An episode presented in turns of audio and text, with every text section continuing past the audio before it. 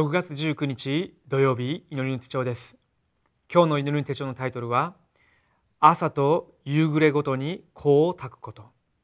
聖書の箇所は出エジプト30章7節から8節です。アロンはその上で香りの高い香を焚く。朝ごとに灯火を整えるときに煙を立ち上らさなければならない。アロンは夕暮れにも灯火を灯すときに煙を立ち上らさなければならない。これはあなた方の世々にわたる死の前の上空の香りの捧げ物である。私たちが福音の中で祈りの力を回復することができるんであれば私自身が生かされて私の周りにいる人たちさえも生かすようになります。今日の伝道の準備をしながらまた私と関係したその現場に地教会を建てる計画を立てて祈り始める時に神様が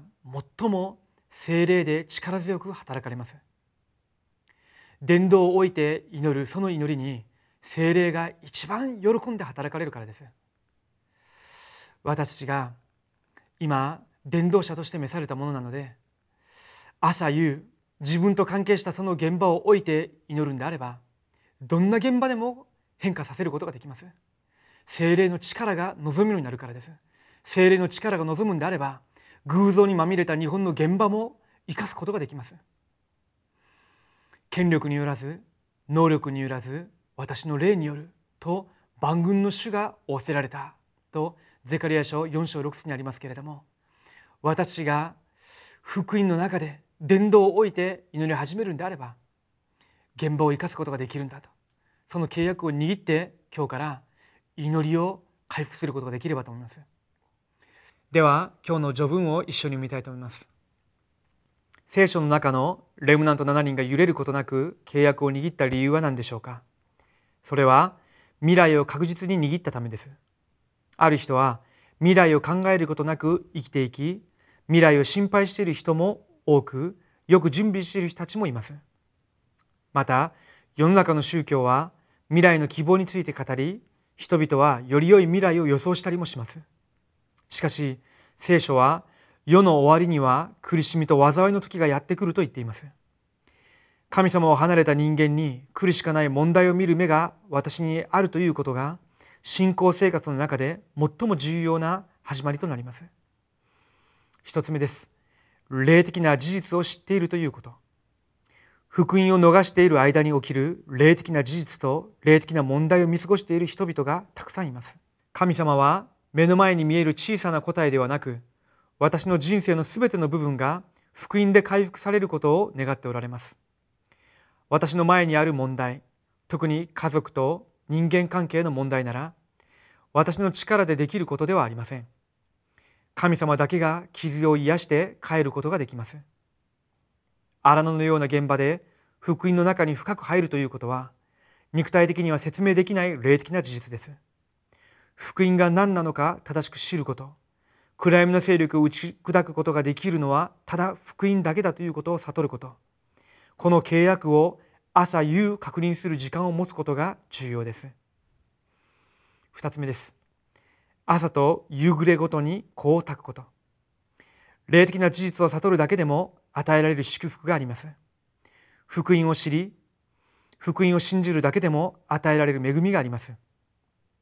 信仰とは簡単なように見えても一番難しいものです。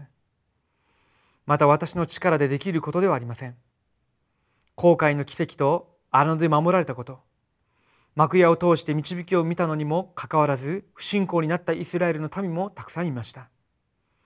そのため神様を信じて疑うことなく世界福音化をする準備を毎日しなければなりません。神様はイスラエルの民に聖女と死聖女との間の段で香を焚くようにと命じられました。香を焚くというのは祈りの奥義を味わうことを意味しますキリストの香りが滅びる者には滅びの香りに救われた私たちには命の香りとなるのです。霊的な事実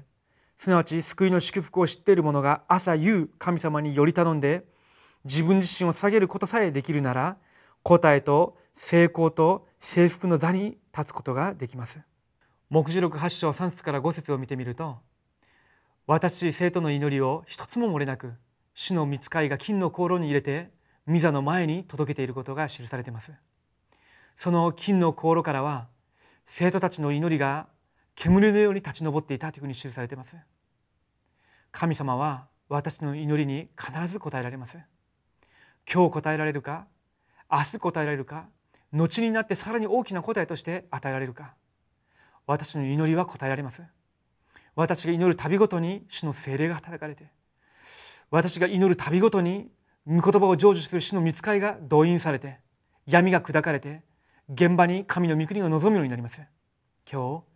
日霊的な事実を覚えてもう一度福音の中での祈りの力を回復しましょう。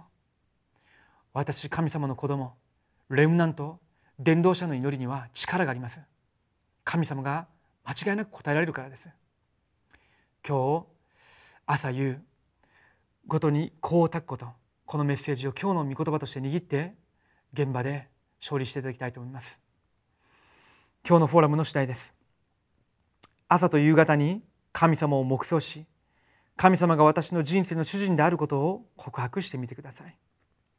お祈りします。今まで祈りを思うようにできませんでしたけれども神様が今この時間にも私に祈りの力を回復させてください。祈る時ごとに起こる霊的な事実を霊的な世界に対しての目を開いてくださり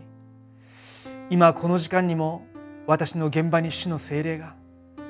私の現場に主の見つかいが動員され現場で働いている闇の組織が打ち砕かれ神の御国が望むようにしてください。今この時間に主イエス・キリストの皆によって望まれる主の精霊で私自身を10万人満たしてくださり現場で神様の答えを発見させてください。生きておられるイエス・キリストの皆によってお祈りします。アーメン。